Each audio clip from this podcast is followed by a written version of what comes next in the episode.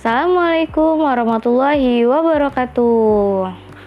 Balik lagi bersama saya Lutfia Nurfadillah dengan NIM 1902654.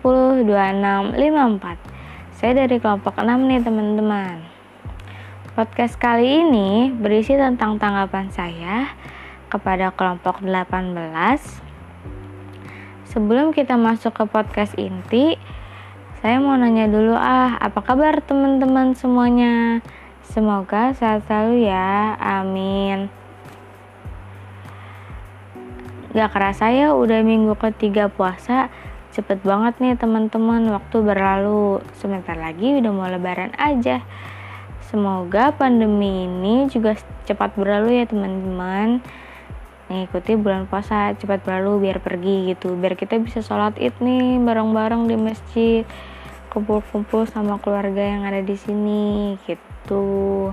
Nah nggak usah lama-lama berbahasa basi langsung aja kita masuk ke podcast inti. Untuk podcastnya udah bagus, informatif. Tapi untuk saudara Rizky suaranya itu kurang deket sama micnya jadi perlu fokus banget buat dengerinnya. Soalnya kan eh, nggak uh, terlalu kedengeran. Jadi kayak volumenya harus di fullin juga nih teman-teman kalau untuk saudara jati udah bagus ya ada doanya gitu ya sebelum mau mulai jadi kayak dengerin acaranya Agim nih mohon maaf gitu kan? Makalahnya sendiri bahasanya seperti udah disesuaikan biar mudah dipahami ya.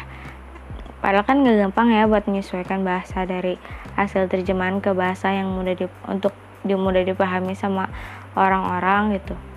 Kalau buat PPT-nya udah bagus, sedikit tapi informatif banget. Tapi kalau misalnya saya boleh saran, PPT-nya itu per slide-nya terlalu flat aja gitu warna slide-nya cuma hitam dan putih. Padahal banyak banget loh free PPT template di Google kalau misalnya kalian mau cari tuh di slide Carnaval kalau nggak salah.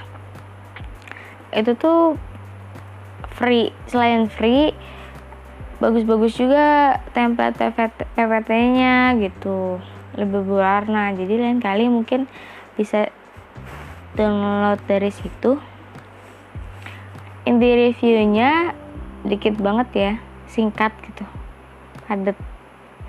Nah kan di inti reviewnya itu ada kalimat kalau ada pro dan kontra terkait proses penyampaian materi IPS kalau kalian sendiri ketika menjadi eh, nantinya menjadi seorang pendidik amin akan menggunakan cara yang mana nih dalam menyampaikan materi dan apa alasannya? Soalnya kan e, dalam kita menyampaikan materi itu harus ada triknya kan nah itu penting banget tuh untuk audiens ini biar nggak bosen kan mungkin segitu aja tanggapan dan pertanyaan yang bisa saya sampaikan. Mohon maaf apabila ada salah kata. Assalamualaikum warahmatullahi wabarakatuh. Sampai jumpa di podcast selanjutnya. Dadah